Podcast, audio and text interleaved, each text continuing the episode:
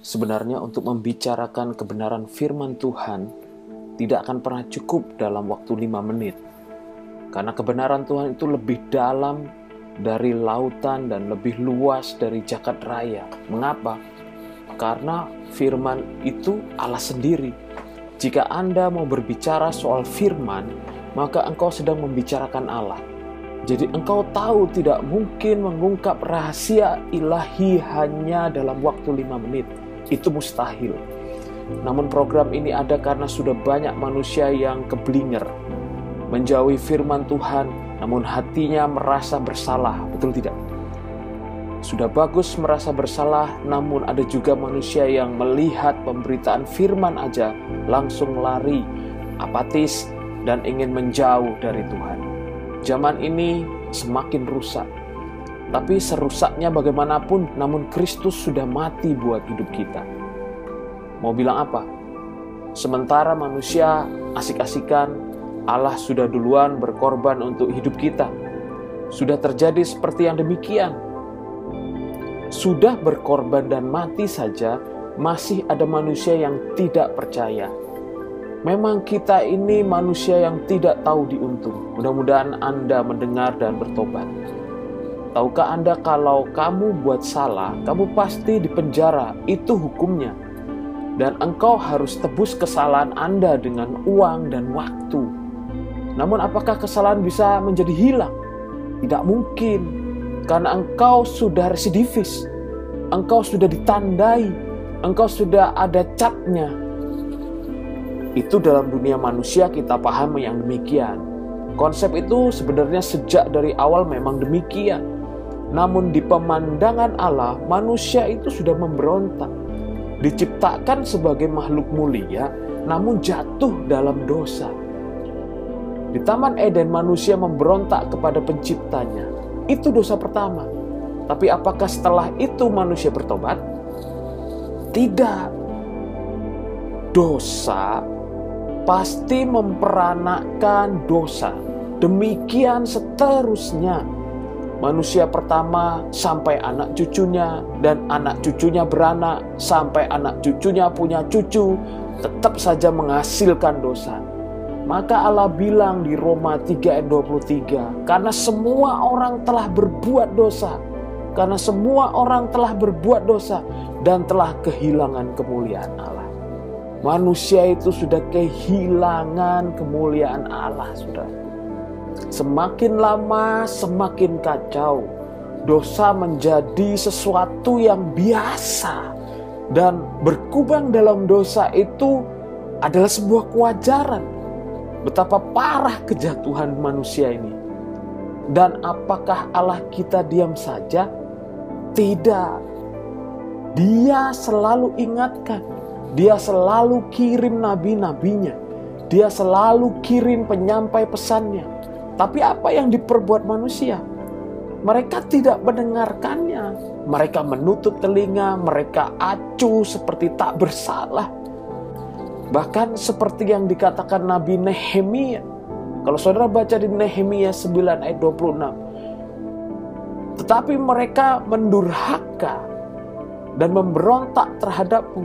Mereka membelakangi hukummu dan membunuh nabi-nabimu yang memperingatkan mereka dengan maksud membuat mereka berbalik kepada mereka berbuat nista yang besar. Begitu terus berulang-ulang, berabad-abad, tidak ada pertobatan. Bertobat sebentar, berbuat dosa lagi, bertobat sebentar lagi, berbuat dosa lagi, demikian seterusnya, begitu terus dan terus begitu. Apakah Allah membenci manusia?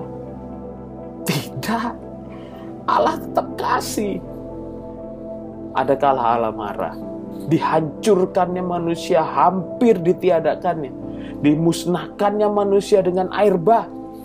Namun masih tetap ditinggalkan Nuh beserta keluarganya untuk hidup. Dengan harapan ada perubahan dalam hidup manusia.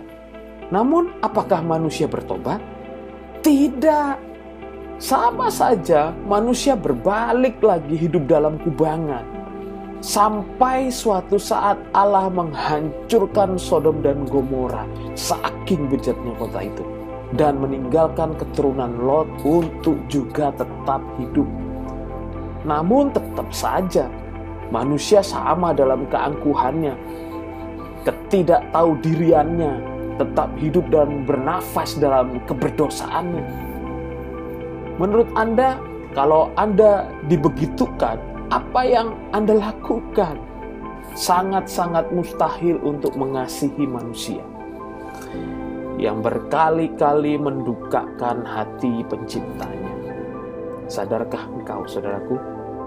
Tapi apa yang Allah kerjakan kepada kita? Apakah Allah benci kamu? Apakah Allah benci aku? Apakah dengan memberikan dengan berkali-kali kesempatan Allah merasa dibodohi oleh manusia? Tidak. Allah bahkan tahu ketika beliau memberikan pertolongan dan di kemudian hari manusia meninggalkannya. Allah tahu. Dia maha tahu. Bahkan dia tahu apa yang kau kerjakan di masa yang akan datang. Namun dia tetap kasih dia tetap kasih. Sampai nggak ada cara lain karena manusia tidak bisa menyelamatkan dirinya sendiri. Bahkan pengorbanan-pengorbanan tidak dapat mengampuni dosa manusia lagi. Saking bobroknya dan bejatnya jiwa manusia. Akhirnya sesuai dengan kemahatauan Allah dan rancangan kekekalan Allah, beliau harus turun dan menyelesaikan dosa manusia dengan menjadikan dirinya sendiri korban penebusan yang tidak bercacat dan tidak bercela. Yang dapat mengampuni dosa manusia yang lampau, yang sekarang, bahkan yang akan datang. Dia berinkarnasi menjadi manusia supaya bisa menghapus dosa manusia. Makhluk mulia ciptaannya sendiri. Kenapa tidak jadi sosok sebagaimana dia ada. Itu cuma menimbulkan ketakutan saja, tapi tidak pertobatan. Allah bisa mengerjakan secara demikian, namun engkau tahu kita ini dulu. Engkau dan aku harus disadarkan secara kemanusiaan, secara bahasa manusia, secara pemahaman manusia, secara pemandangan manusia maka itu Allah berinkarnasi menjadi manusia.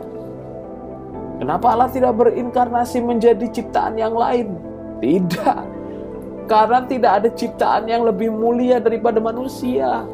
Karena itu yang mengumpamakan Tuhan oleh benda-benda dan yang menyembah binatang-binatang, semua yang bergerak, itu adalah kekejian bagi Allah.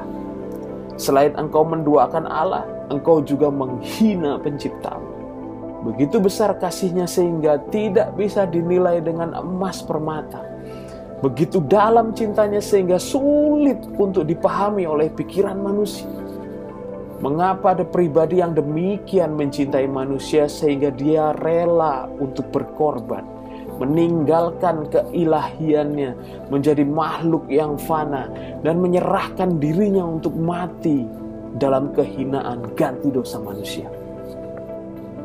Saya cuma mau berbicara ini di waktu yang singkat, saudaraku. Kembalilah kepada Tuhan.